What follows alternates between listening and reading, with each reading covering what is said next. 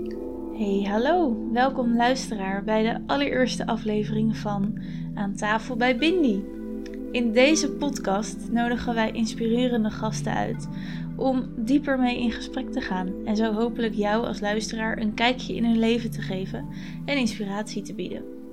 Omdat dit de allereerste aflevering is, leek het ons goed om ook eerst onszelf eens voor te stellen. Mijn naam is Sterre en ik ben stagiair bij Bindi. En Bindi is de hotspot in Amersfoort voor iedereen die zich verbonden voelt met yoga en bewust leven. Je vindt bij Bindi zeven dagen per week yogalessen, maar ook behandelingen, massages, een winkel en een veganistisch eetcafé. Voor vele yoga-liefhebbers voelt Bindi dan ook als een tweede huiskamer. In deze eerste aflevering ga ik in gesprek met Nicole. Nicole is de oprichter en eigenaresse van Bindi. Bindi begon in 2009 met slechts één yogazaal en inmiddels is het uitgegroeid tot een volledig pand aan de Bergstraat in Amersfoort. Ik ben heel benieuwd hoe Nicole naar Bindi kijkt en hoe haar weg naar dit bedrijf eruit zag. Maar ook wie Nicole is naast Bindi. Want Nicole is natuurlijk meer dan alleen maar ondernemer en ook die kant hoop ik in dit gesprek te ontdekken. Heel veel plezier met het luisteren naar Aan tafel bij Bindi. Ik was vroeger zo onzeker, dat wil je niet weten. Ben jij, kijk jij met trots op uh, naar jezelf, naar Bindi, naar je ondernemerschap? Dan zeiden ze, teken het nou even uit op papier. Ik zeg, nee, dat kan ik niet, weet je. Ik doe dat dus allemaal heel intuïtief en organisch. En Stel, je zou morgen 10 miljoen euro winnen. Ik ben echt ontzettend bang voor vissen. Ja, weet je, als ik zie waar ik vandaan kom, uit een jeugd. Mm -hmm. Echt mishandeld en alles. Ja, je weet heel ja. goed wat je wil. En ja. dat kan volgens mij, dat kan denk ik best wel intimiderend zijn voor mensen. Ja. Nieuwe dingen, weer met nieuwe dingen bezig ben, dan kan ik echt 's ochtends wakker worden, doe ik mijn ogen open en dan hoor ik echt ta-da-ta. Weet je, zo'n soort liedje in mijn hoofd.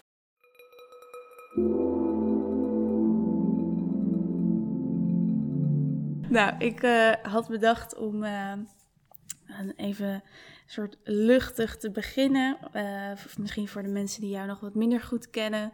Of uh, die het interessant vinden hoe jij uh, tegen bepaalde dingen aankijkt. Dus ik wilde wat um, minder diepe vragen stellen om je te introduceren. dus ten eerste had ik als leuke, originele vraag bedacht. Stel, je zou morgen 10 miljoen euro winnen. Wat zou je daarmee doen? Nou, jeetje. Um, ik fantaseer daar vaak met een vriendin over. Want we willen allebei heel erg graag uh, in het buitengebied wonen. Ik wou zeggen buiten wonen, maar in het buitengebied wonen. dat is heel goedkoop. In een huis, ja, dat is heel goedkoop, in een doos. Nee, um, en dan fantaseren we ook altijd over dat we, dat we dan een heel groot landgoed hebben. En met 10 miljoen zou ik een landgoed kopen. Dan mogen al mijn vrienden wonen, maar echt ver van me vandaan hoor. Het moet niet, zijn, niet zo zijn dat ik ze de hele ja, Maar dat het echt zo groot is dat als je dan uh, elkaar appt van ik kom even op de koffie, dat je dan echt wel een kwartier onderweg bent. Op je eigen terrein. Ja. ja.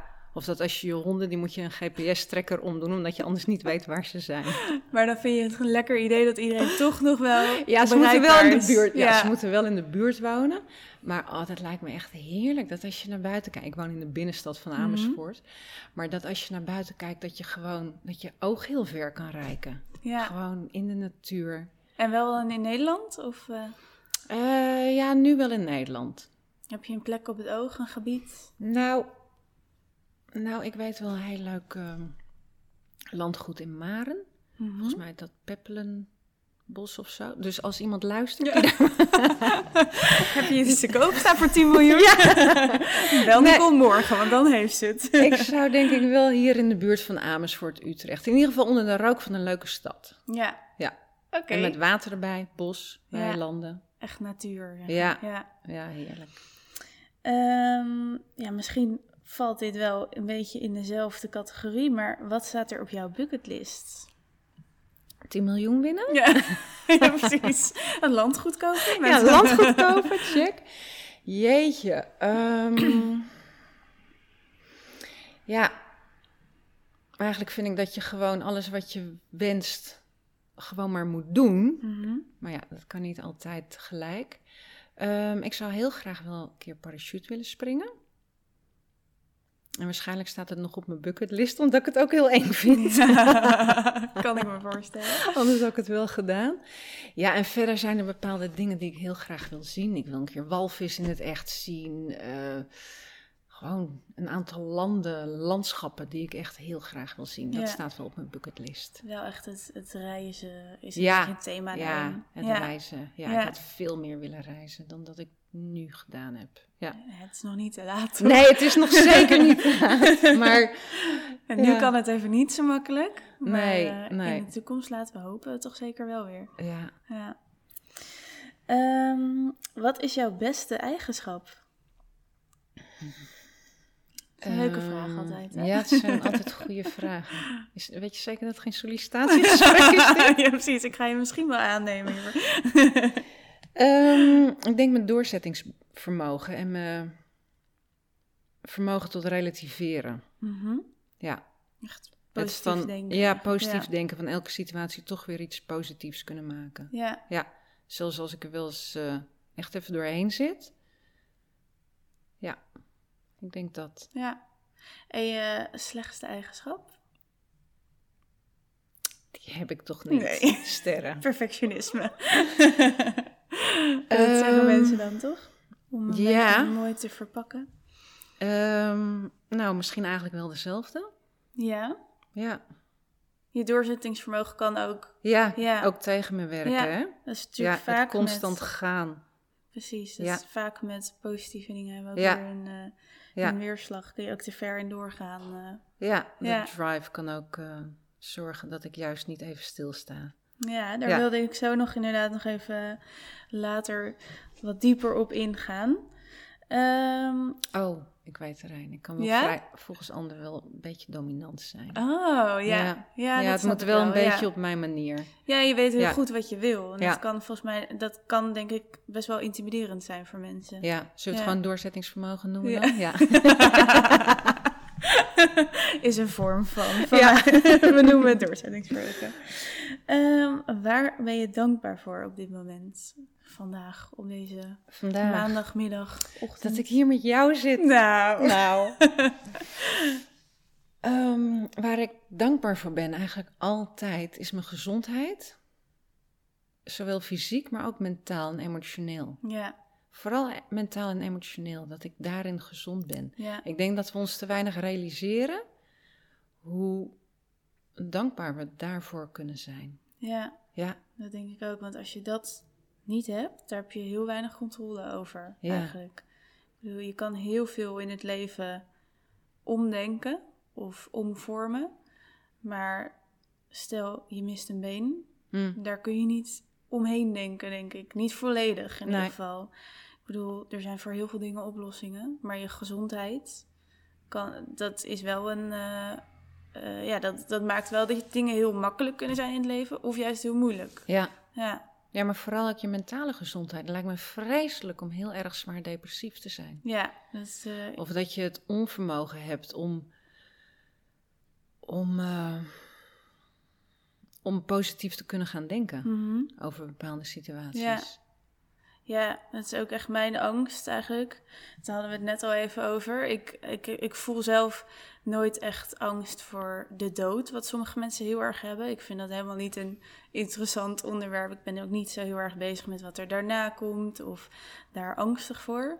Maar ik vind het veel eh, enger of beangstigender dat je eigenlijk van de ene op de andere dag dat je iets kan overkomen, inderdaad qua gezondheid. En dan voornamelijk qua mentale gezondheid, waardoor je soort van niet meer de touwtjes in handen hebt daardoor. Ja. Dat je Ja. inderdaad een depressie of eh, eh, nog veel. Ja, dat je heftiger- gevangen zit in je eigen Precies. hoofd. Dat je, of dat je gewoon niet meer bent wie je bent eigenlijk. Dat je, eh, ik bedoel, een herseninfarct. Het kan van het een op het andere moment komen. En het kan volledig veranderen wie jij bent en hoe je denkt. Ja, Dus ja, dat is inderdaad iets heel moois om dank- dankbaar voor te zijn. En dus- bewust dankbaar voor te zijn, denk ik. Ja. Ja, dus daar ben ik dankbaar voor ja vandaag. nou, mooi. nou, dan eh, eh, ga, ga ik een beetje over op de wat diepere vragen. Of in ieder geval, eh, ja, toch een beetje het doel van dit, dit oh ja, ik vergeet nog een vraag. een hele leuke, tenminste. We hadden net al even een sneak preview qua voorgesprek. Maar ehm, Nicole, wat is jouw grootste angst? We hadden natuurlijk... Ik ja, noem jij nou even, ja, waar jij bang voor bent. ik ben echt ontzettend bang voor vissen. Echt niet normaal. Dat heeft ook een naam, toch? Ehm, Volgens mij wel alle fobieën, nou, ja, toch? ja, echt als de dood gewoon. En ik heb het niet altijd gehad.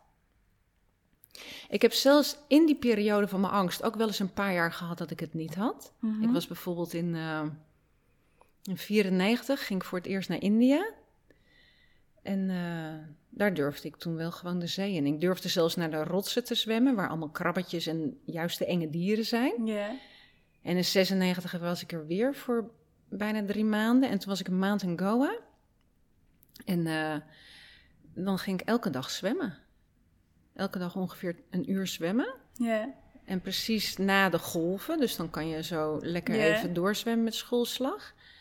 Ja, toen had ik die angst niet. Was toen wel zo, was er even een weekje eh, dat elke ochtend kwamen er drie dolfijnen. Dus twee volwassenen en een Ja. babydolfijn. was heel leuk. Dus in het begin denk je even, hmm, want de fin van een dolfijn kan eruit zien als een Oh. fin van een haai. Ja. Maar goed, dan wacht ik even totdat ze weer voorbij waren en dan, eh, dan ging ik het water in. Toen had ik het echt eventjes Maar niet. ben je bang voor alle soorten vissen? Is het als je een, een goudvis in een kommetje ziet dat je ervoor weg Nee, het is, het is als ik in het hetzelfde... Ja, het is het zwemmen. Ja. Want ik heb namelijk ook wel eens in een aquarium... heb ik wel eens een haai geaaid. Mhm. Maar dat is dan van bovenaf. Maar Ja. het feit dat ik in, in dat water ben... Ja. Oh, het is echt... Als ik er nu aan denk... Ik moet denken aan de situatie. Mhm. In februari, vorig jaar februari, was ik in Vietnam.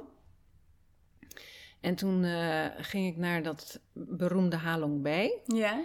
En eh, vanwege de corona was het dus heel rustig daar. Want alle Mhm. toerisme vanuit Japan, Korea en China was, eh, Was al gestopt. was al Ja. gestopt. En ehm, wij hadden een trip genomen vanaf het eiland Katba. Dus Ja. dat schijnt nog mooier te zijn. En toen gingen we naar een, eh een fishfarm. Dus je hebt er mensen die wonen dan op het water. En die hebben dan bij hun huis waar ze wonen hebben ze een ja, visboerderij, zeg maar. Dus dan hebben ze allemaal bassins met netten erin en daar zwemmen dan grote vissen. En eh, dat gingen we dus bezichtigen. En nou, nu ik erover praat, wordt mijn hartslag al heel hoog. Echt zo eng. Ja. En ik was met een vriend.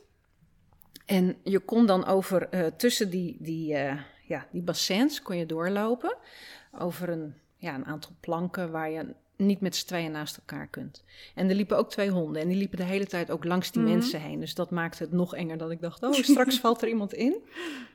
Maar goed, die vriend van mij die was al vooruit gegaan. Ik had mijn teenslippers uitgetrokken met het idee van... dan kan ik niet over mijn teenslippers struikelen. Alsof ik dat ooit doe. Maar goed, dan ga je Ja, echt ra- over Ja. rare dingen nadenken.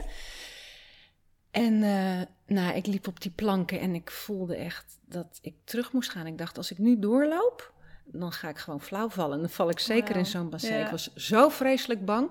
Dus ik stond daar eh, vlak bij die boot te wachten met twee andere mensen. En die andere mensen durfden niet, omdat ze bang waren voor honden. En ik was echt als de dood voor die vissen. Wat grappig. Maar Maar wat ik wel heb gedaan, is Ja. later eh, ben ik van de boot afgesprongen. Want de boot was Mhm. eh, aangemeerd, of voor anker. En sommige van die eh, mooie rotsen, die hebben van die zandstrandjes. Mhm. En eh, ik had er even over gedaan en mensen waren al van de boot afgesprongen om naar dat zandstrandje te zwemmen. Toen dacht ik, als ik dit niet doe, dan krijg ik echt ontzettende spijt. Dus ik ben van de boot afgesprongen om naar dat zandstrand toe te zwemmen. En ik heb me heel erg geconcentreerd op het feit dat ik nu in het paradijs zwem of zo. En het was echt heel mooi, want ik kreeg een cadeautje. Er was een visarend die een vis uit het water ehm, pakte. Zelfs daar was ik niet bang voor. ik zag alleen maar dat het heel mooi was. En toen ik aan was gekomen bij het zandstrand, toen draaide ik om om te kijken naar het stuk wat ik had gezwommen. En twee meiden, die zwommen nog achter mij. En die arend, die liet zo die vis vallen vlak bij die meiden. En het was gewoon, het was echt zo mooi allemaal. Ja. Dus ik ben heel blij dat ik dat heb gedaan. Dus daar, kan ik, daar heb ik fijne, fijne herinneringen aan. Maar als ik denk aan die fishfarm, dat is echt vreselijk. Dan ga ik nu gewoon nog Ja. trillen. Maar heeft die, die mooie herinnering dan nog iets geholpen in die angst om het minder te maken? Of? Nou, Voelt ik dat weet... dan als, nou, ik heb geluk gehad dat ik niet... eh, waar, waar, zit de angst? Is het dan, ben je bang dat, dat je gebeten wordt door vis? Want ik, ik bedoel, een angst voor haaien is best wel een Ja, rationele angst. ja, Ehm, en je hebt natuurlijk binnen fobieën dingen die echt gevaarlijk of eng Ja. zijn. En dingen die je, waar je negatieve, angstige associatie mee hebt. Is het dan echt de angst van ik word gebeten door een vis? Of is het het gevoel van een glibberige vis? Of... ja.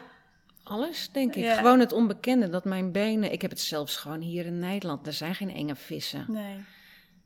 Ehm, ik ga wel het water in, Mhm. maar ik vind het wel eng. Het, het is ook... Je, je ziet een deel van je lichaam, zie je natuurlijk niet. En er kan van alles gebeuren daar. Ja. Zoals Ja, in de Kromme Rijn zwemmen bijvoorbeeld. Het, ik doe het wel, maar ik vind het wel heel eng. Ja. En ik weet, ik heb daar ook wel eens, eh, eh, hoe heet het, krabbetjes gezien of Mhm. kreefjes. Ja. En ik weet dat er veel ratten zijn. Ja. Dus ehm, voor de ratten ben ik niet bang, maar het is het feit dat het dan onder water is. En ik heb echt van alles gedaan, hè. EMDR, een soort hypnose, EFT. Het werkt allemaal tijdelijk. Ja. Grappig. Ja, Het is natuurlijk ook wel het onderwerp van veel enge films. Vooral dat het niet zien wat er gebeurt onder water. En Ja. dat er dan intussen heel veel gebeurt. ja, ja, ja. Dus in Ja. die zin snap ik die angst ergens wel. Ik zou ook niet als ik zelf in het water lig daar te veel over na moeten denken wat er dan onder me gebeurt. Nee, Maar ik ben er dan niet mee bezig en dat is denk ik het verschil. ja, Ja. Ja. En heel soms lukt het me om er ook even niet mee bezig te zijn. ja. En daar in Vietnam was het water heel troebel, dus dat maakt het eigenlijk nog enger. Maar ik heb het ook in heel helder water, want juist dan zie je van alles. Dan zie je alles. Ja. Ja. ja. Dus snorkelen en duiken is niet aan jou. eh, aan jou nou, ik wil wel heel graag. Ik heb wel eventjes duikles gehad, Mhm. maar ik heb een aangeboren hartafwijking, waardoor ik Mhm. eigenlijk niet mag duiken, omdat ik dan een gevaar zou zijn voor mijn buddy. Ja. Dus, ehm, dus daar kan ik het dan op gooien. Dus het mag niet. Anders Het zou, mag niet. Anders zou ik nu duikkampioen zijn. Maar... Ja, maar snorkelen, ik doe het wel. Ja. Ik ga het wel doen, maar ik vind het heel eng en ik kan dan ineens paniek krijgen. Oh ja. Ik heb nooit paniek voor dingen. Nee. Ik ben juist heel Ja. Weet je wel, een Zo situatie is heel ja. kalm. Maar met dat, ja, ik heb in Jordanië gehad, dan was ik ook aan het snorkelen. En ineens heb ik complete paniek. En dan Ja. durf ik niks. Dan durf ik het water niet in te blijven. Maar ik durf ook niet naar de kant te gaan, omdat ik dan mijn voet op de grond moet zetten. Dus het is, kan ook best wel gevaarlijk zijn als je in het water echt eh, een soort paniekaanval krijgt. ja, Tenminste, dan moet je niet in te diep water eh, liggen, zeg maar. nee, Nee. nee. Dus, als er iemand luistert die denkt mij te kunnen Ja. helpen, graag. Heb je een hele lieve goudvis die Nicole eh, mag aaien. dus samen Ja. mee in bad mag om het eh, rustig eh, Ja, te laten echt, Maar wel een, een specifieke angst. Tenminste, ik ken hem niet van veel mensen. Nee, ik heb me Nee. heel lang ook voor geschaamd. Ja? Ja, Grappig. Ja. ja. Ja, ja, maar echt panisch. Ja. Echt panisch. En weet je, dat zou dan ook te maken kunnen hebben met het tweede chakra. En het heeft natuurlijk, ja. En Je- je sterrenbeeld is vissen. En, ja, maar ascendanten zelfs vissen. Misschien zegt dat ook wel wat. ja, Als iemand, iemand hier een mooie analyse bij heeft, ja. stuur het vooral even door. ik ben benieuwd. Ja. Ehm, ja, ik wilde eigenlijk gewoon bij het begin beginnen. Eh, en we gaan het natuurlijk vandaag ook echt over Bindi hebben. Niet alleen maar over Bindi, maar Bindi is wel een heel groot onderdeel van jouw leven natuurlijk. Mm, zeker. En hoe is Bindi ooit ontstaan? Hoe is het begonnen? Ehm, in 2009 is Bindi gestart op deze locatie. Maar vanaf 2007 was ik er al wel mee bezig. Toen ehm, gaf ik al her en der les en ik masseerde. Deed veel Mhm. stoelmassages bij bedrijven. En ehm, ik reed voor de yogalessen reed ik echt van hot naar her. Dus ik huurde zelf een gymzaaltje bij een lagere school. En boven een winkel huurde ik ruimtes. En ik gaf les in Apeldoorn ergens, en in Montfort en in Soesterberg. En op een gegeven moment was ik dat echt zat. Soms dan reed ik naar Apeldoorn en dacht ik, oh kak, ik moet naar Montfort vandaag. Oh ja, Ja, en, en, ehm, chaotisch bestaan. daar. Ja. ja. ja, en ook met dat masseren. Dus dan was ik de hele dag bijvoorbeeld bij eh, een bank aan het masseren geweest. En dan hup, snel naar de auto wat eten en dan op naar lesgeven. En Ik was dat gewoon echt zat. En ik Ja. wilde heel graag echt mijn eigen ruimte hebben waar ik mijn eigen energie neer kon zetten. Mhm. Want dat vond ik fijn, omdat ik heb ook wel bij een sportschool les gegeven. En je merkt toch dat de energie daar anders Ja. is. En ook in zo'n gymzaaltje van een lagere school, dan moest je eerst langs die kleedkamers met die kindertoiletten die nooit lekker Oh, ja, ruiken. Ja, sowieso die kleedkamers. Ja. al Zo'n mengeling van te zoete deodorant en kinderzweet. ja. En vieze voeten. En Altijd vieze voeten, alles. Ja, en dan heb je dat grote licht. Dus ik nam dan... eh, ik had in mijn auto dan al mijn matjes, maar dan had ik ook van die schemerlampen meegenomen... om een beetje een Oh, sfeertje ja. te kunnen Daar was maken. je toen al eh, dan heel Ja. erg mee bezig. Dat Ja. komt nu natuurlijk hier op deze locatie van Mini ook heel erg terug. Ja, Ja, ja, dat, ja, dat is... Weet je, je zou kunnen zeggen, yoga kan je natuurlijk overal doen... maar de omgeving is ook belangrijk. Ik vind het ook heel belangrijk dat als de mensen hier de zalen open doen, zoals we dat noemen... dus Mhm. klaarmaken voor eh, de cursisten en de docenten om te komen... dat ze dat echt met aandacht doen. ja, Dus niet zomaar hup, lichten aan, kaarsjes aan, flats en gaan. ja, Nee, dat je echt het, met dat je het mindful doet. ja, Alles. Zelfs, ik zei echt over het rolgordijntje omhoog doen bij de voordeur. Dat moet je mindful doen. mhm, Dus doe het met aandacht, waardoor die niet scheef hangt, maar recht. En weet je, dat is, dat is wat je... Dat is wat je voelt, ja. toch? Dat is de energie die je voelt. Ja, zeker. Heb je dat sowieso in je leven met, met veel dingen? Leef jij niet echt op automatische piloot? Nee, nee, Nee. dat zou ik heel naar vinden. Ja, Tuurlijk zijn er dingen die ik ook op automatische piloot kan doen. Maar ik vind het belangrijk om alles wel met aandacht te doen. Ook Ja. al kan ik nog zo gehaast zijn, want ik kom natuurlijk heel gehaast en snel en rap over. mhm, Dat snap ik ook wel, maar ja, er zit wel die aandacht bij ja, waarom ik het doe. ja, Ja, en ehm, ja, ik ben ook wel bang, zeg maar. Nou ja, bang, het is geen angst, maar ik ben wel bang om dingen op automatische piloot te doen. Dat je op een ochtend wakker wordt en dat je denkt, jeetje, er zijn twintig jaar voorbij en, en dan? Ah, en soms, ja. ge- tuurlijk gebeurt dat ook, hè? ook met Bindi, dat ik ineens 13 jaar verder ben. Ja. Ja, En wat ik eigenlijk altijd wilde was reizen. En ehm, dat kan ik natuurlijk tussendoor ook doen. mhm, Maar ja, ik heb vanaf 2009, sinds Bindi dus op deze locatie is ontstaan, heb ik elk twee jaar heb ik een verbouwing gehad. Dus ik ben begonnen helemaal bovenin, hè. ja, Dus toen was het nog de helft. En eh, toen was het één yogazaal en één praktijkruimte. En toen in 2011 kwam de middelste verdieping vrij. Mhm. Daar zat een kantoor. Dus die heb ik erbij genomen. Heb ik nog een yogazaal, nog een praktijkruimte gemaakt. En ehm, toen in 2013 en 14 heb ik benedenverdieping erbij ge- genomen. Dan heb ik een receptie gedaan en een winkeltje met aanverwante artikelen en een, eh, een vegan eetcafeetje. Mensen verklaarden me voor gek, andere ondernemers. 2013, ja, die zei: Heb je wel onderzoek gedaan, marktonderzoek, Oh, ja. of er behoefte naar is? En ik met mijn grote bek, ik zei: Nou, ik, daar geloof ik niet in. Ik geloof dat je behoeftes creëer je. ja, En het is dus een hit gebleken, dus Ja. dat is wel heel leuk. Ja, ik heb alles, alles intuïtief gedaan. ja, Ja, het is zelfs zo dat toen ik in 2009 eh, hier nog aan het schilderen was. Dus in augustus ehm, heb ik geschilderd, een vloertje gelegd, dat soort dingen. Om in september open te kunnen gaan. Toen wist ik al dat ik het hele pand zou krijgen. Ik weet niet waarom, ja. maar Gewoon blind vertrouwen eigenlijk. ja, en ook een soort, weet ik veel, een sign from above of zo, Mhm. weet ik veel, dat dit wel heel erg de bedoeling is. Dit Ja. moet ik doen. Ik heb Ja. er geen, soms heb ik het idee dat ik er geen zeggenschap over heb. Ik moet dit doen, ik Dit moet Bindi je doen. levensbestemming, zeg maar. Ja. ja. Ja, Ja, want toen in 2014, toen zouden de buren, want Bindi zit op nummer 6 hè, en Mhm. het buurpand is nummer 8. Die buren zouden toen ook weggaan. Maar toen was ik net bezig met de benedenverdieping. Dus toen heb ik echt tegen het universum gezegd, ja, dat gaat niet. Want Nee. ik heb nu geen geld voor nog iets extra's en ook niet de energie. ja. Doe dat maar over twee jaar, weet je wel. Alles ging zo heel netjes in twee jaar. En eh, nou, toen in 2016 toen hebben ze een huur opgezegd. Ja. En toen heb ik nummer 8 er in zijn totaliteit bijgenomen. Dus toen kon ik de, de zalen kon ik groter maken en de kleedkamer. ja. Ja.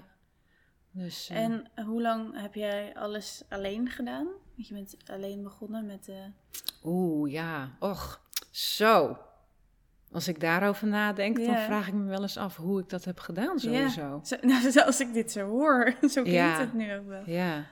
Ja. Je, je hebt hier zelf de vloeren gelegd en geschilderd. Ja, echt alle, met hulp hoor. Maar Ja. alle verbouwingen inderdaad zelf gedaan. Dat Mhm. heeft gewoon ook te maken met kosten. Ja, En ehm, ik, in het begin eh, viel ik ook in als andere docenten ziek waren. Dus ik, ik masseerde bijvoorbeeld op maandag. Dan ging ik naar Utrecht, ging ik daar bij het politiebureau, ging ik masseren. Mhm. En dan at ik in de auto en dan reed ik naar Bindi en dan ging ik lesgeven. En dan op dinsdag herhaalde het dit zich dan zo'n beetje weer. En dan op woensdagochtend gaf ik les. En eh, op donderdag eh, overdag ging ik ook weer masseren. En dan s'avonds lesgeven en op vrijdagochtend gaf ik les. En dan was ik in het weekend zogenaamd zeg maar vrij. Maar dan moet je nog administratie. Ja, moet je van alles doen. En ik zorgde toen voor mijn vader. Mhm. Die, eh, daar heb ik vijf jaar voor gezorgd. Dus ja, dat was eh, heel erg veel. Ja. Ja. En Hoe- in hoe het ben je weekend- toen overeind blijven staan? Doorzettingsvermogen. Ja. je valkuil en beste eigenschap. Oh ja, want in het weekend dan ging ik ook nog allemaal cursussen, opleidingen, workshops doen van yoga. Dus ja, ik had toen niet echt een heel eh, uitgebreid sociaal leven. Nee. Dus eh, ik heb vriendinnen die ik al 30 jaar heb. Hè? Mhm. En eh, gelukkig hebben ze daar gewoon begrip voor. Maar ik zag iedereen toen even minder. Maar weet je, het voelde ook wel goed. Het voelde als iets wat ik moest doen om mijn bedrijf eh, op te bouwen, op te Ja. zetten. En in 2011 ben ik gestopt met masseren. Mhm. Want dat werd echt te veel. Toen ging ik ook echt steeds invallen als andere docenten ziek waren. En in 2013, 14 ben ik begonnen met receptie. Ja. En het telefoon, telefoonnummer van Bindi, dat was vroeger mijn privételefoon. Dus ik nam de hele dag door, nam ik ook nog eens een keer de telefoon aan. Ja, want dat waren potentiële klanten natuurlijk. Ja. Dus ik was de hele dag in het weekend bereikbaar, altijd. Dus ehm, ja, dat was wat ik deed. En af en toe, ik heb in 2011 heb ik ook echt wel een bijnieruitputting gehad. Ja, logisch. Ja, dat snap ik wel Ja. ik hoor. En in 2010 is mijn vader overleden. En toen ben ik twee weken als een soort larve naar, eh, naar Thailand gegaan. Echt, ik was, als ik er aan terugdenk, jeetje, wat was ik moe. Ja. Ja, oh ja, en toen was ik daar, komen. ja, en toen was ik daar nog aan het werk, want toen heb ik cursus hormoonyoga heb ik toen uitgeschreven daar. Ja, echt. Zelfs op je vakantie. Ja. eh, ja. Ja, zelf sta ik ook wel eens versteld van die drive. ja. ja.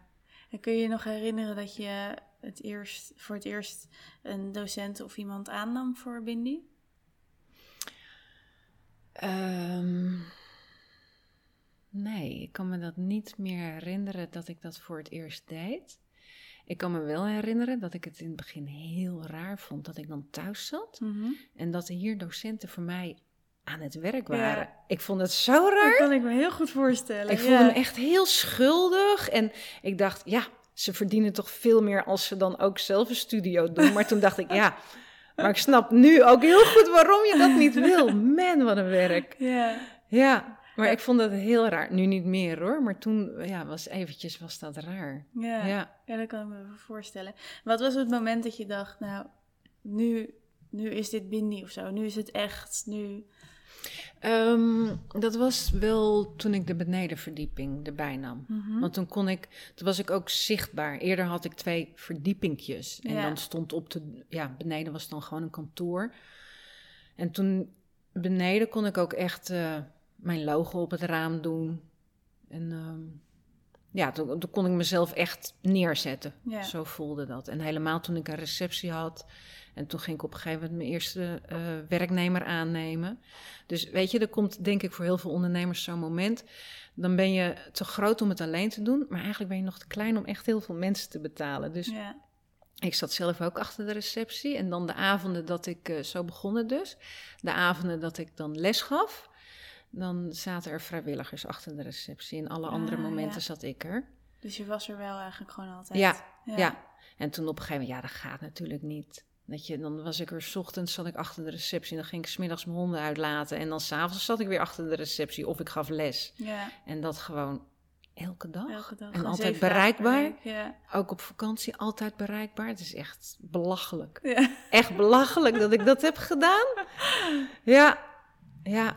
Maar goed, en toen kon ik op een gegeven moment iemand aannemen. Dus ja, en dan op een gegeven moment nog iemand. En Ja. zo kan het dan gaan groeien. En het, het begon, ik, het werd helemaal een echt bedrijf toen ik ook het pand ernaast bij kon nemen. Dat je echt grote zalen hebt. Ja. Ja. En ehm, hoe zie je dat nu de toekomst dan voor je bij Bindi? Heb je nog meer? Komt er nog een pand bij? Gaan we over, komt er over twee jaar nog een verbouwing? Of eh, Oh, waar, ja. waar wil je nog heen met Bindi? Nou, ik heb altijd heel veel ideeën. Dus het gaat altijd maar door in mijn hoofd. Dus ik heb geleerd om het allemaal gewoon op te schrijven en ehm, op de plank te leggen. Dus het hoeft niet per se nu. Mhm. Soms, eh, soms gebeurt het gewoon. Dus ik wilde al heel lang online, dus ja. nou, ko- nou, en dat is nu gebeurd. COVID heeft ervoor gezorgd dat ook de noodzaak te was. Ja. hè. Maar ik heb ook wel gedacht om het Yoga Festival Amersfoort te doen. Maar goed, er zijn natuurlijk heel veel mensen die dezelfde ideeën hebben. Dus iemand anders heeft dat al gedaan. Ja. Heeft dat al gedaan. Dus die kon ik lekker van mijn lijstje schrappen. Dus dat was ook wel fijn. Ja. En soms zijn er dingen die heel lang op de plank blijven liggen. En ehm, ja, en dan op een gegeven moment dan haal je het van de plank, kan je het afstoffen en dan kan je kijken, past het nog bij mij of niet? Of is het misschien al gebeurd? Ja. Ehm, en ja, nog een pand erbij, dat is wel iets waar ik aan heb gedacht. Alleen als ik zie hoeveel werk het is om dit alleen al te doen Mhm. en ervoor te zorgen dat de kwaliteit ook behouden blijft, dan weet ik niet of ik nog een pand erbij zou willen. Dan moet ik daar echt een heel goed team hebben staan, zodat ik echt de kwaliteit kan waarborgen waar we voor staan. Ja. Ja. Wat ik wel, wel eens denk is verhuizen Mhm. naar een ander pand, zodat we ook het, eh, het café heel groot kunnen maken. ja. Zodat we ehm, wat meer geluid kunnen maken, want we zitten hier natuurlijk toch in een buurt met buren. Ja. Eh, dus de Isselt, Ja. dat eh, lijkt me wel heel fijn. Ja. Dus met een heel groot terras erbij van Oh, Bindi heerlijk. Café. Ja, en gewoon nog uitgebreider.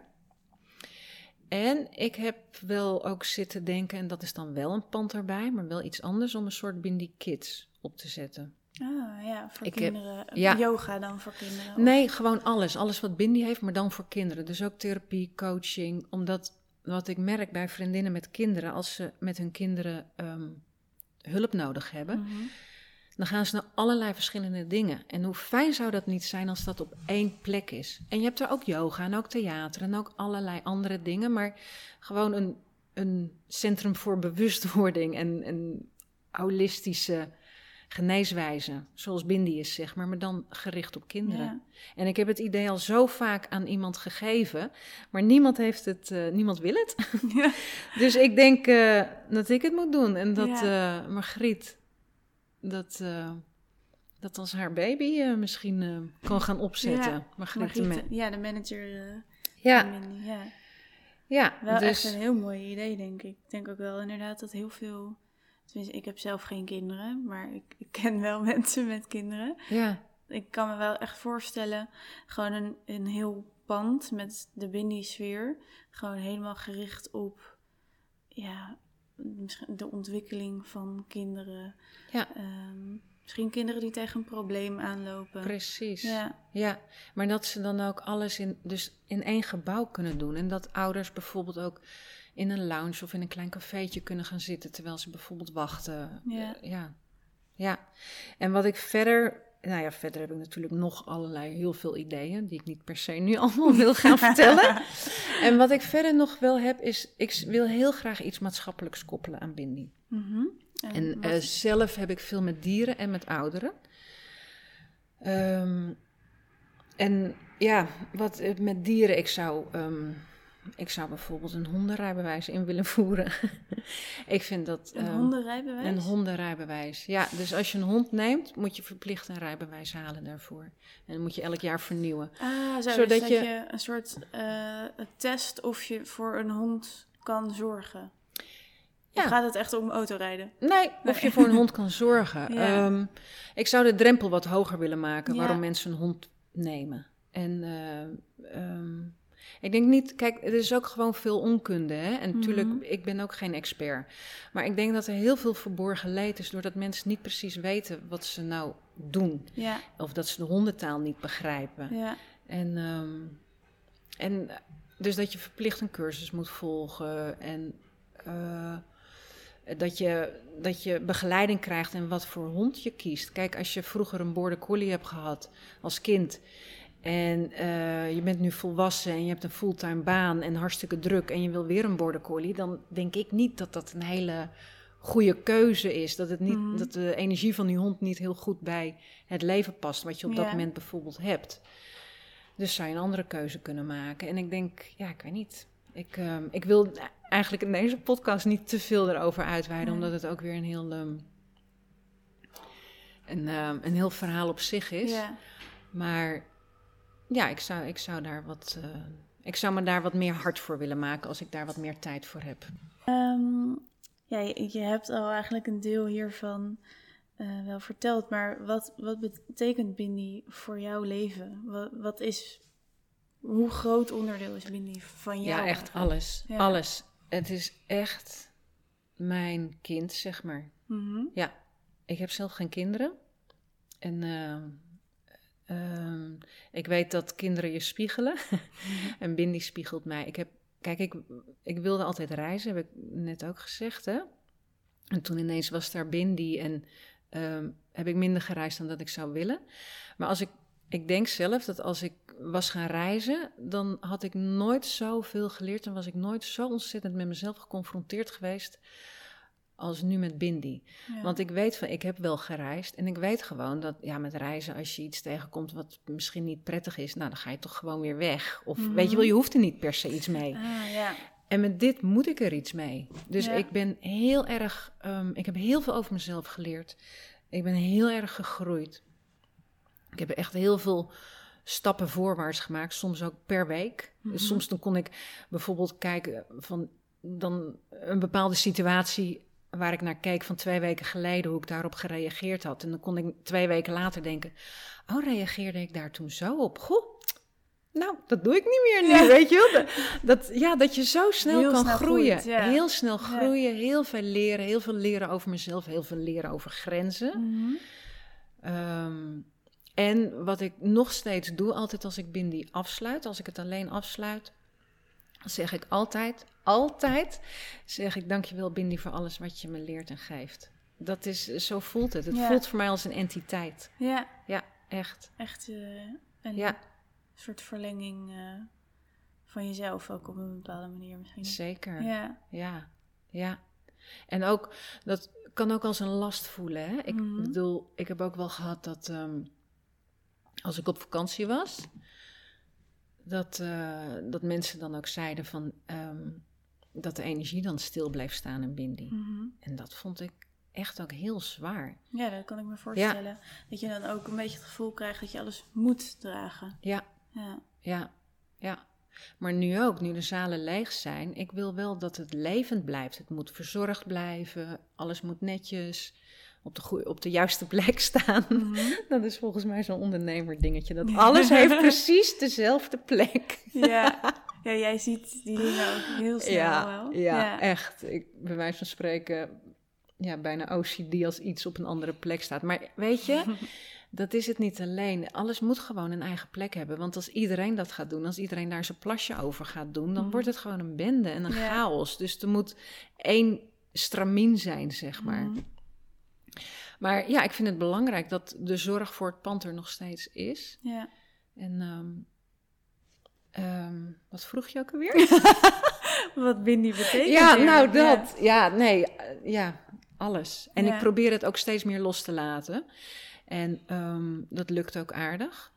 Dat En- verantwoordelijkheidsgevoel als het ware. Ja, Ja. ik kan steeds meer eh, overdragen, maar dat heeft ook een tijd geduurd. Hè. Daar moet je gewoon wel de juiste mensen voor hebben om dat dan over te kunnen dragen. Dat je dat vertrouwen kan geven. Dat ik dat vertrouwen, ja. Ja. ja. En, ehm, ja, en, en, en ik heb heel veel over mijn eigen grenzen geleerd. Ja? bij Bindi. Ja, ik kan, eh, ja, ik kan wel een beetje grenzeloos zijn, denk ik. In alles. Maar vind je het dan moeilijk om je grenzen aan te geven, of ja, aan zeker. te voelen?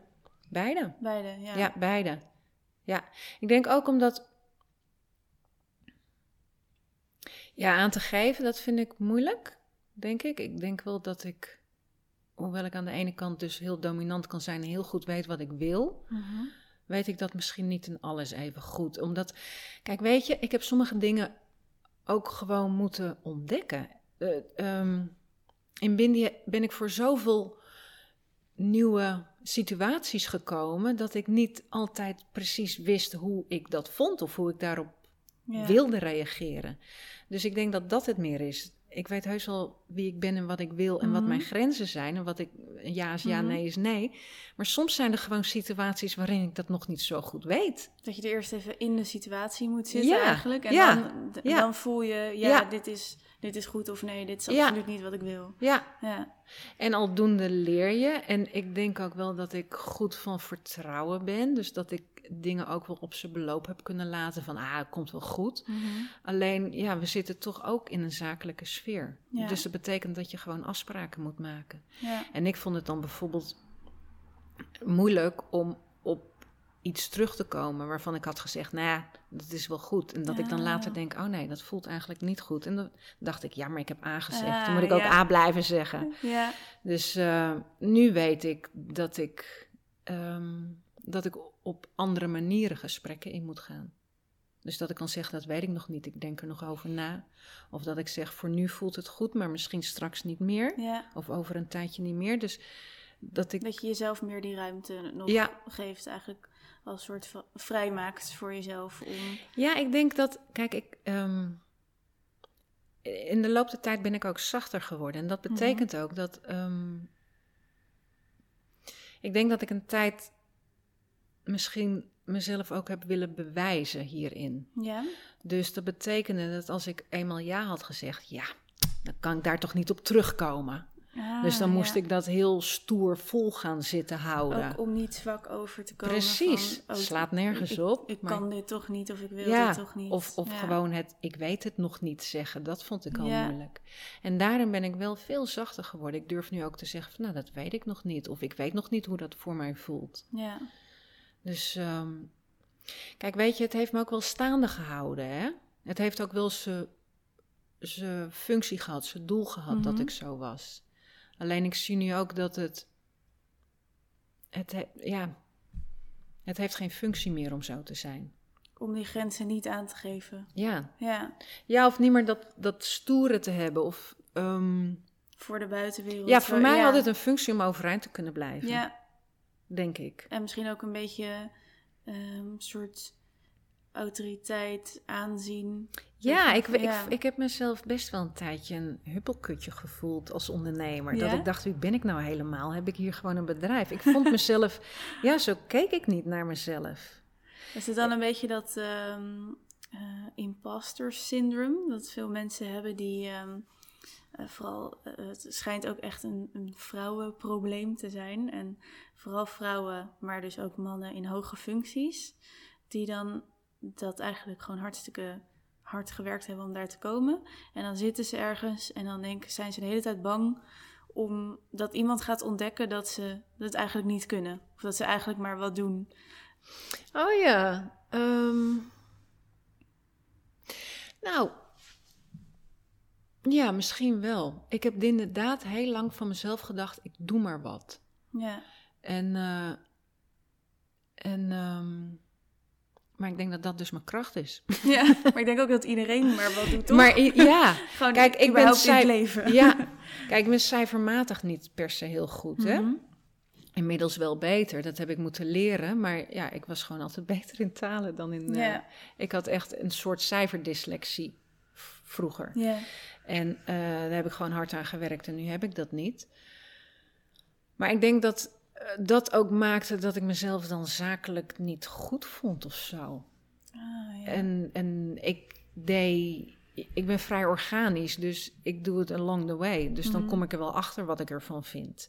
Zo is zo'n hele verbouwing ook gegaan. Dat mensen dan zeggen: Hoe doe je dat dan? Weet je waar die muren komt en weet ik wat? Ik zeg: Nee, dat weet ik pas als ik erin sta. Maar goed, de mensen waar ik mee werkte, die werden ook wel eens gek. Mhm. Dat ik zei: Ik wil het daar. En dan de volgende dag ging ik goed kijken. Denk: Nee. Dit is de betere plek. Ja. Weet je, want dan zeiden ze: teken het nou even uit op papier. Ik zeg: Nee, dat kan ik niet. Weet je, ik doe dat dus allemaal heel intuïtief en Ja. organisch. En zo heb ik ehm, zo heb ik dat met bedrijven ook gedaan. En tuurlijk, ik heb ook door schade en schande wijs moeten worden. En En mensen... mensen. getallen is dus inderdaad, dat vind ik zelf ook, is lastiger om gevoelsmatig mee om te gaan. Omdat het Ja. zo, eh, zo praktisch, zo gekaderd is. Ja, Ja. ja, en dat hoor ik ook wel van andere ondernemers. eh, bedragen vragen voor jezelf. Je prijs vragen. Mhm. Ook. ehm, je moet ook. Ik bedoel, je komt niet van school af en je gaat naar de ondernemersschool en dan ben je Mhm. ondernemer. Dus dat moet je zelf allemaal gaan ontdekken. ja. En ehm, dan praat je bijvoorbeeld met andere ondernemers die het al heel lang doen. Ik bedoel, ik hoor dat ook wel eens van ouders, dat ze ook steeds denken van, doe ik het wel goed? Ja. En ik denk dat dat een beetje hetzelfde Ja. is. Misschien is dat inherent aan iets wat je jezelf nog helemaal eigen moet maken. En ehm, eh, ik denk ook, kijk, de ondernemers om mij heen zijn eh, vooral veel mannen. En ik Mhm. denk dat mannen anders ondernemen dan vrouwen. Ja.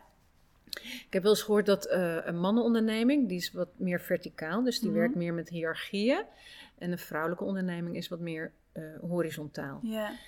En ehm, ik denk dat ik heel erg bezig ben geweest om het op een andere manier te doen. Mhm. In plaats van dat ik het gewoon op mijn eigen manier doe. En ik denk ook dat ik bezig ben geweest met aardig zijn.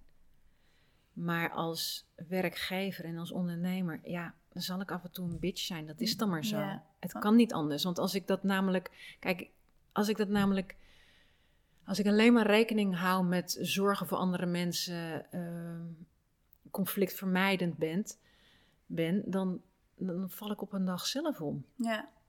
Dus op een gegeven moment ben ik mezelf gaan afvragen bij alles, elk gesprek wat ik moest hebben, wat misschien niet fijn is, en bij elke beslissing die ik moest nemen. De vraag die ik aan mezelf stelde was: is dit goed voor mij? Als Ja. ik nu zo doorga, word ik ja. hier gelukkig van? Ja. Want ik bedoel, als Bindi omvalt, dan sleur ik heel veel mensen mee. Ja. Ook natuurlijk in de coronatijd.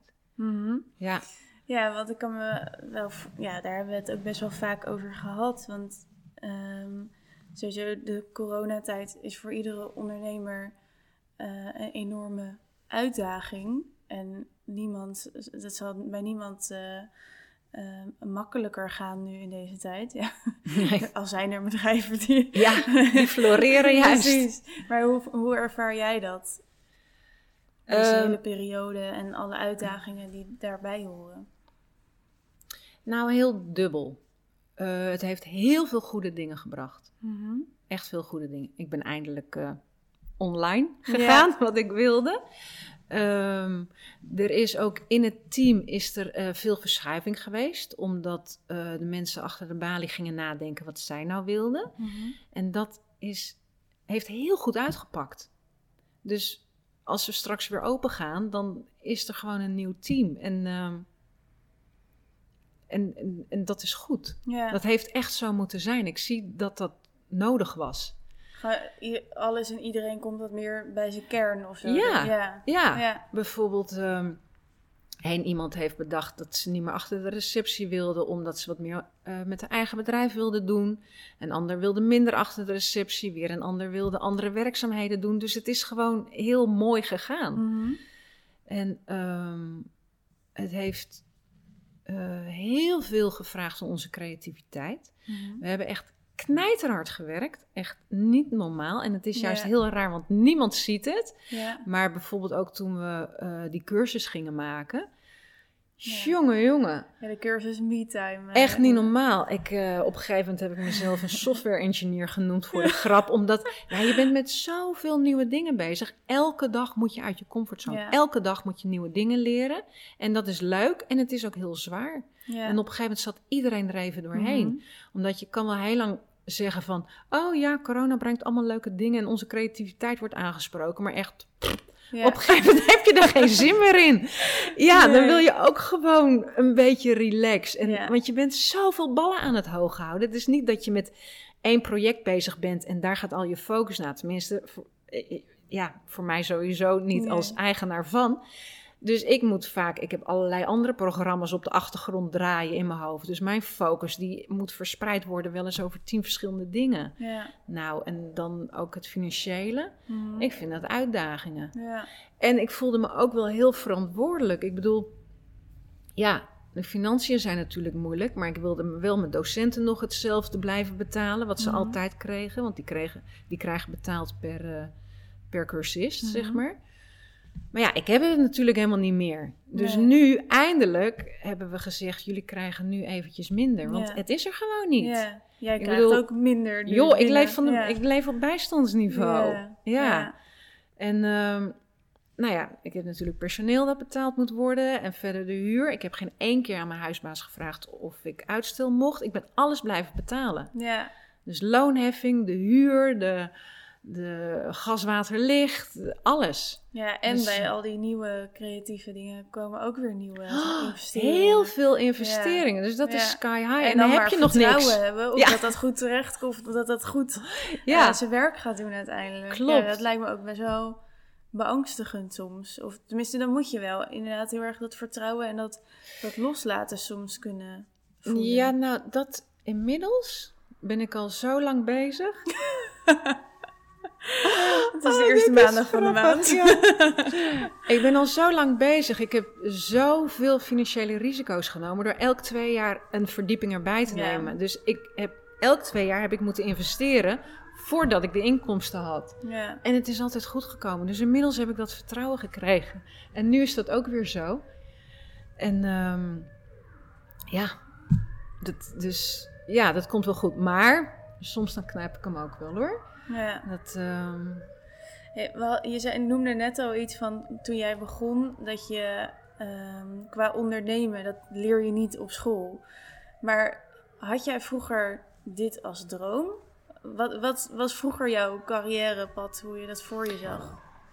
ik wilde altijd naar de dansschool. Ja? Ja, ik wilde altijd dansen. Wat voor soort dans? Eh, Maakt je niet uit. Maakt me niet Als uit. maar dansen. dansen aankom. nee, ik heb, ja, ik heb ook wel ballet gezeten. Ja, ballet en turnen. Ik was altijd wel heel fysiek. Dus ik heb altijd wel willen dansen. En ehm, ik kan gewoon echt naar een dansfilm kijken waar echt geen verhaal in zit. En daar heel erg van genieten. Ja. Gewoon moderne dans of eh jazzdance of wat dan ook. Doet er niet zoveel En toe. danste je ook als kind? Ja, Ja? ja. Ja, ik deed ook altijd choreografie. Dus dan moesten andere kinderen doen Ja? wat ik had bedacht. Oh, ja, echt. ja. Maar goed, weet je, dan was ik waarschijnlijk ook wel, wel weer bij de yoga uitgekomen. Ja. En ja, wat ik wilde niet worden die later. ondernemersdroom. Nou, nee, ja. Ik ben wel altijd heel zelfstandig geweest. Ik heb eh, meerdere dingen zelfstandig gedaan. Ik heb bijvoorbeeld samen met een vriendin dierenambulance opgericht in Amersfoort. Ja? In 86, 87. Wat leuk. Ja. Hij, hij eh, rijdt nog steeds. Ja. Ja. En ehm, ik heb eh, schilderijen verkocht op braderieën door heel Nederland. Mhm. Dat was ook heel leuk. was gewoon een auto vol, een stationwagen had ik, vol met schilderijen. En dan ging ik heel vaak Oh. naar Limburg, want daar verkocht ik heel veel op. de- dat zijn van die jaarmarkten. Ah. En Dus, dan had je eh, gewoon schilderijen van kunstenaars die je kende of nee, die je nee, zelf nee. ergens opspeurde. Ja, of- die, gewoon die kocht ik in. Wat grappig. En eh, ja, dat was een heel vrij leven. Deed ik zes Ja. dagen in de week. En als het dan echt, weet je wel, op sommige van die markten, dan ga je helemaal los. Mhm. Ben je helemaal los, dan heb je alles verkocht. En andere denk je, nou, dat wordt helemaal niks. En dan pakte ik alles weer in. Ging Ja. ik- vrienden ging ik heel vaak mee, een dagje. Dat is heel leuk. En ik heb zelf, eh, ik heb zelf lampen gemaakt, kroonluchters. Wat een ontzettend ik divers denken. carrièrepad ook. ja, en die verkocht Van ik in Den Haag. naar schilderijen, eh, jazzballet. Ja, ja dat zelfs ik ben op een gegeven moment op gaan schrijven. Wat, ehm, want ik wist ook niet wat ik wilde worden. Nee. Dat was echt vreselijk. Was dat dan echt een zoektocht of was het gewoon meer, ik rol nu hierin en ik vind dit nu leuk? Nee, het was wel een zoektocht. Ik zocht wel een soort een zielsbestemming, denk Mhm. ik. Ja, Ja. ja. En eh, ik merkte dat ik ook wel goed was in conceptdenken. Mhm. Dus ik heb wel eens daaraan zitten denken. Oude meubels opknappen deed ik ook. Dat ik dacht, dan ga ik dat doorverkopen. Dus eigenlijk voordat ik Bindi begon, voordat ik eigenlijk het yogapad opging. Ik deed al wel heel lang yoga. Maar voordat ik bedacht dat ik daar misschien een carrière uit kon Ja. halen. Ik ben ingerold. Was ik nog heel erg bezig met, ik ga een loods huren en dan oude meubels opknappen en verkopen. Ja. Ja, en da- daar zat dus ook bij dat ik dus die lampen maakte. En die verkocht ik aan een winkel in Den Haag, in Scheveningen. Voor 300 euro of gulden. Zaten we toen nog in de... Dat weet ik niet meer. En die verkocht het weer door voor 500. ja. Zijn die nog steeds in omloop? Eh, Nee, weet ik niet. Misschien hangt het nog Weet ik, oh, dat weet ik niet. In Ja. iemands huiskamer. eh. Ja, dus. ehm, maar weet je, alles wat ik leuk vind, de creativiteit, de zelfstandigheid, het fysieke stuk, ehm, eh, het samenwerken met mensen, weet je wel, echt dat Ja. creatieve, dat je dingen samen kan doen, Opbouwt, creatief. eh, ja, dat komt allemaal hier. Ja. Komt allemaal, en, en ik ben altijd heel erg bezig geweest met het holistische. En ik vond daar weinig aansluiting. Kijk, nu is dat een soort van in en Ja, modern. Maar ja, weet je wel, ik heb altijd geloofd in de kracht van de geest. Mhm. En, eh, en nu heb je bijvoorbeeld Joe Dispenza Mhm. en meer. Maar ja, ik had eh, soms wel eens discussies met mensen die, die zoiets hadden van, waar heb je het over? En nu komt dat allemaal samen. Hoe gaaf is dat? Ja. En je eh, hebt daarmee ook heel veel gelijkgestemden, denk ik, om Ja. je heen verzameld. Ja. Ja. Oh ja, binnenhuisarchitectuur heb ik ook nog gedaan. Nou, dat kan ik hier Komt hier ook. ja. En gelijkgestemde, vooral dat. Dat is zo fijn. Ja. En het positieve. Dus ik heb hele fijne gesprekken met mensen. Mhm. En ik heb bijvoorbeeld, ehm, nou, ik heb bijvoorbeeld een vriend die horeca-zaken heeft. Ik heb een vriendin die in een TBS-kliniek heeft gewerkt. Ja, horeca is natuurlijk ook eh, gezellig, maar kan ook niet gezellig zijn met Ja. dronken mensen. Of dat Ja. er, weet je wel, een ander sfeertje hangt. TBS, ja, is heel Is stressvol. algemeen niet gezellig, maar kan misschien gezellig zijn. Ja, Ja. Ehm, weet je, ik, dat is wel fijn. Ik heb gewoon een omgeving gecreëerd waar het positief is en waar de vibe zoveel mogelijk positief en fijn is. ja. Ja. En je, je zei net van, dat je in aanraking kwam met yoga, maar dat je toen nog niet direct een carrièrepad daaraan koppelde. Hoe, hoe ben jij in aanraking gekomen met yoga? En, Ehm, ik deed al heel lang yoga, ook af en aan. Omdat, ja, hier in Amersfoort was, ja, dan ging je op dinsdagavond en als je dinsdagavond een keer niet kon, ja, dan kon je niet op een woensdagochtend Ja. het inhalen of zo. en op op welke leeftijd was dat? Was dat... Ergens achter in de twintig, denk Oh, ja. ik. Dus dat is vijf jaar geleden. Ja, precies. Een drie, toch? nee, dat is nu eh, eh, bijna 25 jaar geleden dan. Ehm, deed ik af en aan yoga. En toen op een gegeven moment werd het steeds serieuzer. En toen ben ik in Utrecht bij Yoga Moves. Ben Mhm. ik echt eh, heel vaak gegaan. Dus ik ging in Montfort ging ik yoga doen. Ik deed Kundalini yoga in Amersfoort. En ik ging naar eh, Yoga Moves. Dus ja, ik ging op een gegeven moment een beetje vijf keer in de week yoga doen. Echt heel veel. Toen workshops, toen steeds meer. En toen op een gegeven moment toen ging een docent. Een van mijn docenten vroeg of ik in kon vallen. Ja, en dan begint het, zeg maar. Ja. Maar wat ik deed, de opleiding, deed ik eigenlijk gewoon voor eigen verdieping.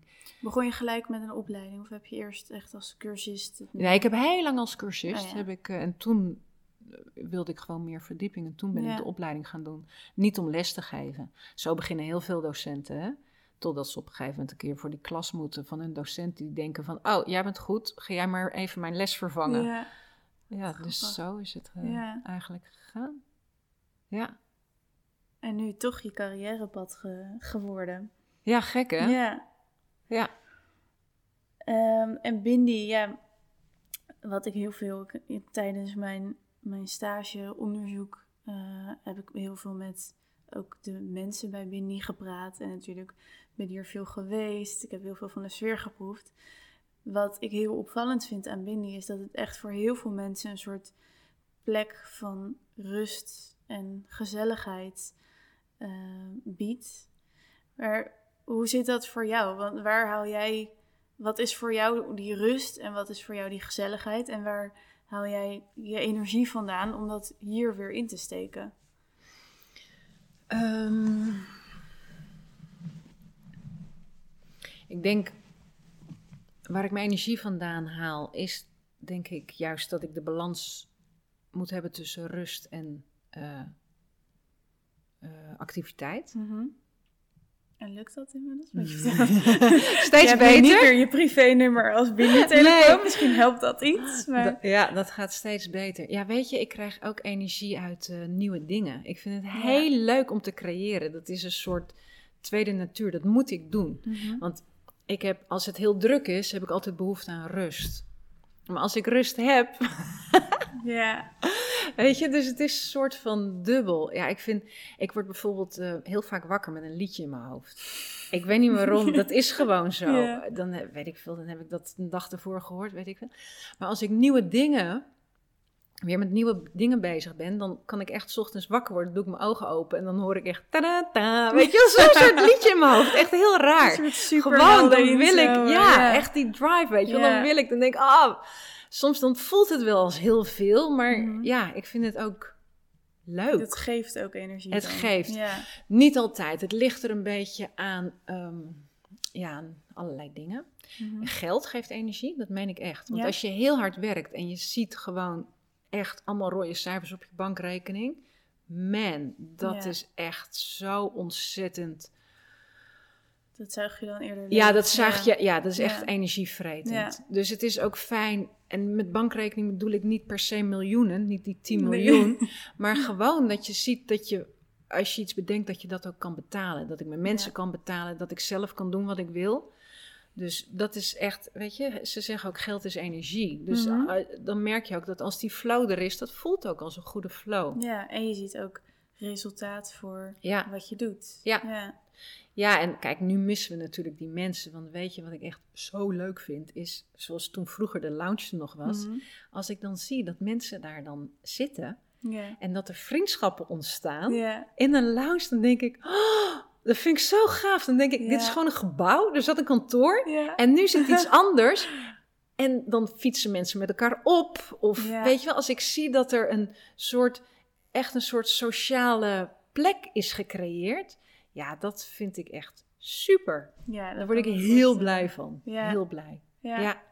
ja. en in mijn privé, zoals een tijdje geleden, toen zat ik echt, echt, echt doorheen. Mhm. Toen was ik helemaal, omdat ik ben, ik sta altijd aan. Mhm. En dat is denk ik ook wel een, eh, een makke van een ondernemer. Maar ik ben ook altijd bereikbaar. Dus om zes uur 's ochtends kan ik gebeld worden, maar ook om elf uur 's avonds. Of om, op zondagavond om half negen als ik met mijn hond bij de eerste hulp sta. Heb ik ook wel eens gehad. En weet je, ik ben altijd sluitpost. Ik moet het oplossen. Ja. Nu kan ik het verdelen gelukkig, nu ik een manager heb. Mhm. Maar voorheen was ik het. Dus als er iemand ziek was, ik moet er staan. Ik, ik moet het oplossen. Maar ook, weet ik veel, de stoppen zijn doorgeslagen. Ja, Mhm. dan zit ik eh, thuis eh, aan een etentje, ik noem maar wat. Kan ik toch weer even naar Bindi. Ja. Weet je, dus je bent altijd sluitpost. Het is altijd aan, zelfs op vakantie. Dan check ik toch mijn mail. Want als ik het niet doe, ja, dan heb ik er 500 als Ja, ik thuis ja. kom. Weet je wel? Dus Ja. en ik doe dan toch altijd even de bankzaken dagelijks, omdat het anders zoveel werk is als je thuis komt. Dus Mhm. het altijd aanstaan. En toen op een gegeven moment, toen trok ik het niet meer. Nee. Dus toen zat ik er echt doorheen. En eh, ik ben een- een week in een recreatiewoning gaan zitten van een Mhm. vriendin van mij. En dat heeft me heel goed gedaan. Gewoon een week niks. Mhm. Want eh, kijk, ik ontspan ook door mijn honden elke dag uit te laten. Hè? Dus ik loop elke dag met mijn honden smiddags een paar uur in het bos. Ja. En ik hou heel veel van de natuur, dus het brengt me ook rust. Maar je moet wel altijd weer in die actie. Dus dan ben ik 's ochtends aan het werk. Dan moet ik smiddags mijn honden uitlaten. Het moet, hè? het moet Mhm. elke dag. En dan s'avonds doe ik ook vaak nog wat werk. Ja. Dus en toen was ik een week in het huis van, eh, in, in die recreatiewoning. En ze heeft een hele grote tuin. En mijn ene hond liep een beetje mank. Dus ik heb gewoon een week lang, heb ik mijn honden gewoon in die tuin uitgelaten. Echt super lui. Ja. En ik ben zo tot rust gekomen. En dan merk ik dat er weer van alles borrelt en dat we- mijn creativiteit weer gaat stromen. Ja. Dus ja, de balans, dat is ook echt een hele grote uitdaging. Dat ik ook echt moet zeggen, vandaag ben ik vrij, ik wil niet lastig gevallen worden, punt. Ja, en, Ja. en wat zijn voor jou dan signalen dat, dat je die richting op gaat? Hoe voel je aan dat, eh, dat het te veel wordt? Of voel je het eigenlijk pas aan als het te laat is misschien? Ehm, ik, kan, eh, ik kan dan een beetje zagrijnig worden. Ik voel dat Mhm. het te veel wordt. Dus kan ik een beetje bitcherig worden. En ik heb de mazzel dat ik een aangeboren hartafwijking heb. Ja, Wat een mazzel. dat is echt super mazzel. ja, ik ben, het heet WPW-syndroom. Ja? Dat betekent, ik heb een extra eh, AV-knoop, zeg maar. Je hebt een, een knoop op je hart. Mhm. Ja, hoe ga ik het uitleggen? Echt heel, en een soort eindje staan, echt heel stom. Eh, en dat, is, dat geeft de impuls, de elektrische geleider, dat je boezems en je kamers dan eh, Mhm. gaan kloppen. Ik heb twee van die dingen, dus dat betekent dat er af en toe kortsluiting ontstaat. Ehm, en dan heb ik gewoon in rust een, een hartslag van 200. En dat heb ik dan wel eens 24 uur lang. Dus het is Ja. net alsof je een marathon loopt. Val Ja. ook flauw, dat soort dingen. Ik heb wel eens les gegeven terwijl ik het had. Ja? Ja, dat is best zwaar. Ja. Volgens mij heeft niemand het gemerkt. Nee. Hele snelle les. Ja, hele snelle les. Maar ehm, ehm, ik heb pas eh, voor het eerst symptomen gekregen toen ik 23 was. Was ik op vakantie in Frankrijk. Toen viel ik flauw. En toen bleek ik dat, kwam ik er dus achter dat ik dat had. Want er zijn meer mensen die het hebben, maar dan Mhm. weet je het niet. En ik kan eraan geopereerd worden, maar dat doe ik niet. Het is voor mij gewoon mijn, eh, mijn hartslagmeter. het is mijn Ah, graadmeter. Je, je rem misschien. Ja, het is mijn rem. Dus als het de periodes zijn dat ik er vaker last van heb, dan weet ik dat ik moet stoppen, minder hard werken of dat ik meer uit mijn hart moet leven. Ja, Ja, dus het kan zowel echt puur fysiek ja, een eh, graadmeter zijn als wel emotioneel mentaal. ja. Een soort kompas eh, eigenlijk. Ja. ja. Inderdaad, mijn kompas. Mooi. Wat een mazzel. Oh ja, wat een mazzel, hè? Ja, wel Dus, mooi. Ook ja. wel- wel- je had natuurlijk over dat je dankbaar bent voor je gezondheid. Maar dat dit is natuurlijk... Ik kan me voorstellen dat sommige mensen hier heel erg van zouden schrikken. Ik weet, is het ook iets gevaarlijks voor je Ja, dat gezondheid? kan. Ja? Ja, dat kan. Maar dat jij het toch weer omzet in iets, in iets positiefs. En dat je er iets moois uithaalt. Ja, Dat is, vind ik heel inspirerend. hè? Ja. Ja. ja, ik geloof zeker dat ik er niet voor niets mee geboren ben. Nee. En dat het... eh, Ja, en dan, eh, dat is dan een beetje je graadmeter, dat je merkt eh, dat je wat minder hard moet Ja. gaan. En wat, hoe pak jij dan je rust? Wat is voor jou eh, bijkomen? eh, eh, Behalve met je honden wandelen. Ja, nou. Ehm, ik heb op een gegeven moment ingevoerd dat donderdag is mijn vrije dag. Dus Mhm. donderdag heb ik ook iemand anders die mijn honden doet. Dan hoef ik echt helemaal niets. Dus dan hoef ik alleen s'avonds mijn honden uit te laten. Ik hoef dan de telefoon niet op te nemen, geen appjes te beantwoorden, geen mails te lezen. Mhm. En omdat nu iedereen weet dat donderdag mijn vrije dag is, voel ik me dus ook niet schuldig. Ja, het slaat nergens op, alsof je altijd bereikbaar moet Ja. zijn. Maar ik, ik vind ook dat ik bereikbaar moet zijn of zo. En ook als er nieuwe mensen zijn, dat ik ze niet kan laten zwemmen. Maar op donderdag weet iedereen dat ik met rust gelaten moet worden. Ja. En ik merk dat als ik me daar echt goed aan hou, dan trek ik helemaal bij. Dan laat ik op weer voor de hele week. Ja. Dus alles wat ik dan nog moet doen, alle to-do-lijsten, die schuif ik dan gewoon door naar een dag daarna. ja. Nu klinkt dit heel erg als een soort lifehack, maar eigenlijk is dit wat veel mensen met een weekend hebben, denk ik toch? Alleen Ja. jij werkt in het Ja. weekend, waardoor de donderdag nu een soort van dan jouw Ja, weekenddag is. ja, Ja. ja, ja, klopt. Dus, eh, en het grappige is, als ik dan dingen wil doen, dan komt dat ook vanuit een ander gevoel. Ja. Dus als ik denk, ik ga wel mijn mail openen, dan is het niet omdat ik denk dat ik dat moet doen of omdat ik de volgende dag anders te veel mail heb. Mhm. Het is omdat ik dan werkelijk heb ervaren van, hé, hey, ik vind het niet erg om vandaag te doen. Ja. Vanuit zin hebben om Ja. het te doen. Ja. Ja. Ja. En wat vind jij nou het allerleukste aan het runnen van Windy?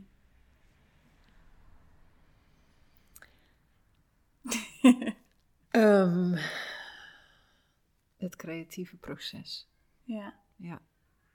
En ehm, als ik zie hoe de mensen, dus wat ik net vertelde. Ja. De connectie. De connectie, de de, verbinding, verbinding. ja. Ja, die verbinding. De verbinding en het creatieve proces. Ja. En ja, het is. Ik kan gewoon niet anders dan dit. Soms dan echt in mijn slechte momenten dat ik er helemaal doorheen zat en dan ik dacht: scheid, ik kap ermee. Ja. Ik verkoop de hele boel. En dacht ik: ja, en dan? Weet je, het is een soort gedrevenheid. Dit moet ik doen. Ik heb geen keuze. Ik, ik kan gewoon niet anders dan ondernemen. Zo voelt dat voor mij. Ja. Ik wil creëren. Dat is echt een soort levensbehoefte van mij. Ja. Ja. Dus eh, Bindi blijft bij jou de rest van je leven eigenlijk dan? Voelt dat zo? Of is het... Nou, Is als dat je dat zo zegt, dan voelt het ook wel als een last. Ehm, Nee, ja, ik denk, ja, ik weet niet hoe het in de toekomst zal zijn. Misschien op een andere manier. Kijk, ik deed met mezelf wel eens eh, zo'n spelletje van... zou ik binding nog hebben als ik eh 10 miljoen zou winnen? Mhm. Of zou ik dan gelijk kappen en denken... nou, ik hoef niet meer te werken voor mijn geld of Ja. zo? Ja, dat weet ik niet. Maar ik deed dat spelletje wel met mezelf... om erachter te komen of dat wat ik doe... ehm, dat ik dat ook echt, echt wil doen. Mhm. Niet dat ik over tien jaar wakker word en denk: Jezus, dit, had ik hele, dit was ik helemaal niet van plan. Ja, ja. Weet je, ik wil wel bewust leven. Dat ik echt Ja. zeker weet dat, ehm, dat ik echt mijn hart volg. ja. Kijk, en dat reizen is altijd iets wat erbij komt. Maar weet je, eerlijk gezegd, ik hoef nu niet per se langer dan een maand weg. Vroeger wel, ja.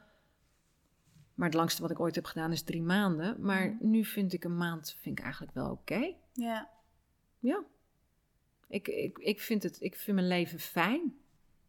Dus eh, ja, met 10 miljoen zou ik denk ik binnen die eh, nog wel hebben. Hm.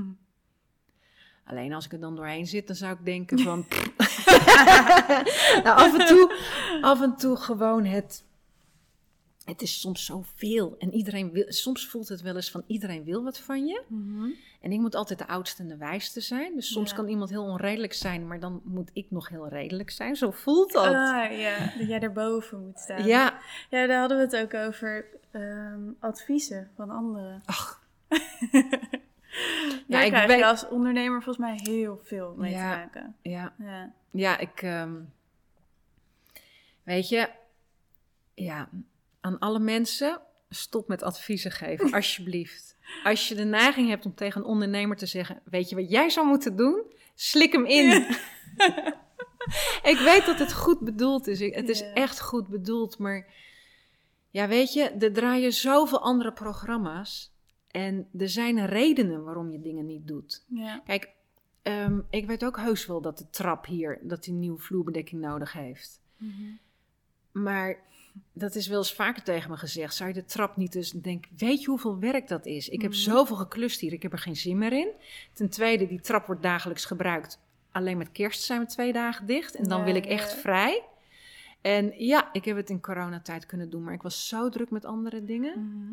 Woensdag komt er iemand klussen en waarschijnlijk ga ik aan hem vragen of hij het wil doen. Dus dan eindelijk is de nieuwe vloerbedekking. hebben we toch op. Maar ja. Ja. weet je, dat mensen dan echt zeggen: Weet je wat jij zou moeten doen? Je zou de trap opnieuw moeten bekleden. Maar soms dan denk ik: Ja, weet je, dat weet ik zelf ook wel. Ja. Het is of een geldkwestie of een tijdkwestie. Of weet je, soms heb je gewoon even geen zin meer Nee. in alles maar doen. Ja. Ja, precies. En va- vaak zijn adviezen ook wel dingen waarvan je denkt, ja, dat had ik zelf ook wel gezien dan, denk ik. Ja, of zelf bedacht, of je doet het al. Soms heb je ook wel eens dat iemand een advies geeft en dan denk Ja, maar dat is er al. het is er al.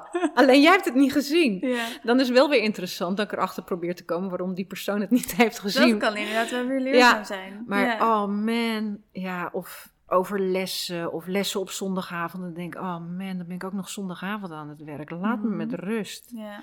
En dan is het niet de goede les of niet de goede tijdstip of niet de goede docent. Of ja, je kan het nooit voor iedereen nee, perfect doen. nee. Dus Nee. op een gegeven moment moet je gewoon echt, en dat is ook die balans hè. Je moet het gewoon je eigen kop blijven volgen. En je niet laten afleiden door alle goed bedoelde adviezen. ja. En wat is het, het fijnste, wel nuttige advies dat je wel eens hebt gekregen? Heb je wel eens dat, dat iemand iets aangaf waardoor wel op een bepaalde manier je ogen door geopend werden? Of komt het echt bij jou heel erg vanuit jezelf, hoe je hier... Mm. Ja, vanuit mezelf, maar het is meer de gesprekken. Het is in een gesprek. Dus bijvoorbeeld een gesprek die ik met mijn manager kan hebben. Mhm. Dan denk ik, oh ja. Maar dan is het niet een goed bedoeld advies wat iemand dan bij je neerlegt en dat je het dan maar moet doen. Ja, Het is de samenwerking in het gesprek. precies. En dat is ook een andere manier natuurlijk om in een gesprek ergens te komen. Ja. En dat jij misschien ook aangeeft, ik loop hier tegenaan of Ja. hier, hier voel ik dat iets moet gebeuren en dat, dat iemand dan met een Ja. idee komt. Ja, ja. ja. dat is heel anders. Ja, dat is heel anders dan wanneer iemand zegt, ik wil me er Oh. niet mee bemoeien hoor. Oh, Maar- ik hoor het ook echt van collega-ondernemers die zeggen: Oh, al die goed bedoelde adviezen. Ja. ja. Ja. Ehm, ik denk dat we al een beetje richting het, eh, het einde gaan. We zijn al een hele tijd gezellig aan het kletsen. Ik zit even te kijken wat voor dingen er nog, nog missen eigenlijk in dit gesprek. Heb jij zelf nog iets waarvan je zegt, nou dit, dit wil ik eh, eh, nog van mezelf laten, laten horen? Nog van mezelf Nee, volgens mij hebben we heel veel Heel gezegd. veel gepraat. Mensen ja. die gaan, als ze dit helemaal luisteren, zitten ze volgens mij al een uur te luisteren, ja, of niet? Ja, ik hoop dat ze lekker aan het wandelen zijn misschien. Ja, eh, met hun hond. precies. Dat is een gezellig idee. Ehm, ik wil toch nog een laatste vraag stellen.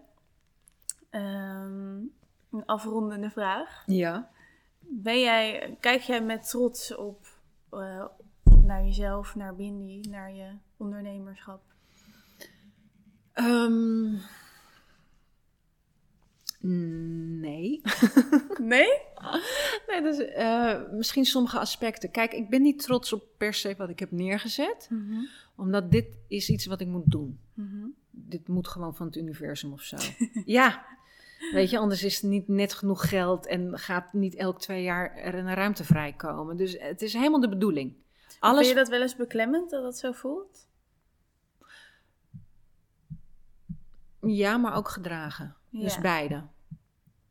Ja. Dit is gewoon, dit is wat ik moet doen in het leven.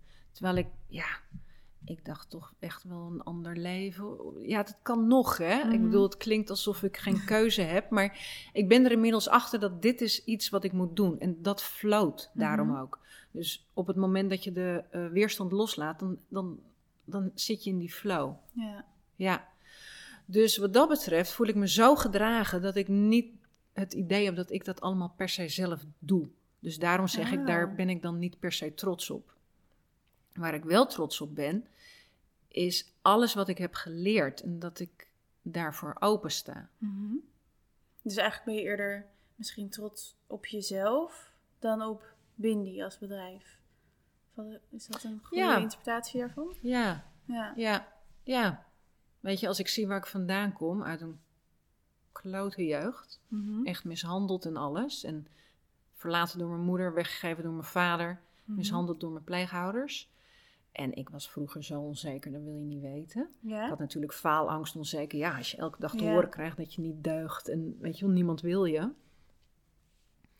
En ehm, dan denk ik, nou, dan heb ik wel laten zien dat je dat het verleden je helemaal niet hoeft in te halen. Jij bent groter, je bent groter dan je verleden. Je kan zijn wie je wil zijn. Mhm. Dat is het. ja. Je, kan, je kunt zijn wie je wil zijn. Ondanks wat je meemaakt. Ondanks wat ja. je meemaakt. Ja. Ja. En dat heeft, denk ik, je ook, of ja, dat weet ik wel zeker, jou heel erg gemaakt. Dat die zelfstandigheid, dat doorzettingsvermogen. Ja, daar eh, wilde ik het heen. aanvoelen wat jij wil. Ja. Ja. Ja. En natuurlijk ook uiteraard het grenzeloze. Dus als je zo streng wordt opgevoed, Mhm. dan, eh, dan weet je ook niet goed wat je grenzen zijn. Dus dan moet je dan achter zien te komen misschien. Mhm. Maar ja, zeker die drive. Ik wilde vooruit. Ja. Ja, daar wilde ik heen. Ja. Ja. Mooi. Ja. Zoals dat weet je weer om te zetten naar, naar iets positiefs. Ja, Ja, ik denk dat dat ook een hele eh, rake samenvatting is ja, van dit hele gesprek. ja. Ja. En iedereen kan dat. Ja. Ja, alleen je moet het willen. Het is de keuze die je maakt. Het begint bij de keuze. Ja. Ja, mooi. Nou, ik vond het een heel leuk gesprek. Vandaar dat het eh, ook eh, lekker lang, eh, lang doorliep. Ik, hoop dat iedereen nog met aandacht heeft zitten luisteren. Maar daar ga ik wel vanuit. Heel erg bedankt voor je, voor je openheid en voor je, voor je verhaal, voor het fijne gesprek. Ja, dankjewel voor het interview. ja, nou, en de luisteraars, bedankt natuurlijk voor het luisteren. Mocht je nou meer willen weten van Windy, misschien van Nicole, eh, van de mooie toekomstplannen van Windy, eh, sowieso kun je ervan uitgaan dat er meer podcastafleveringen aankomen. Dat eh, is alvast een, een kleine teaser, in wat voor vorm dan ook. En je kan Bindi natuurlijk volgen op Instagram, Bindi Amersfoort. En als je meer wil weten over de lessen of over de docenten, dan kun je kijken op de website bindi.nu. Precies. Ja? nou, dat was hem dan voor vandaag. Dankjewel.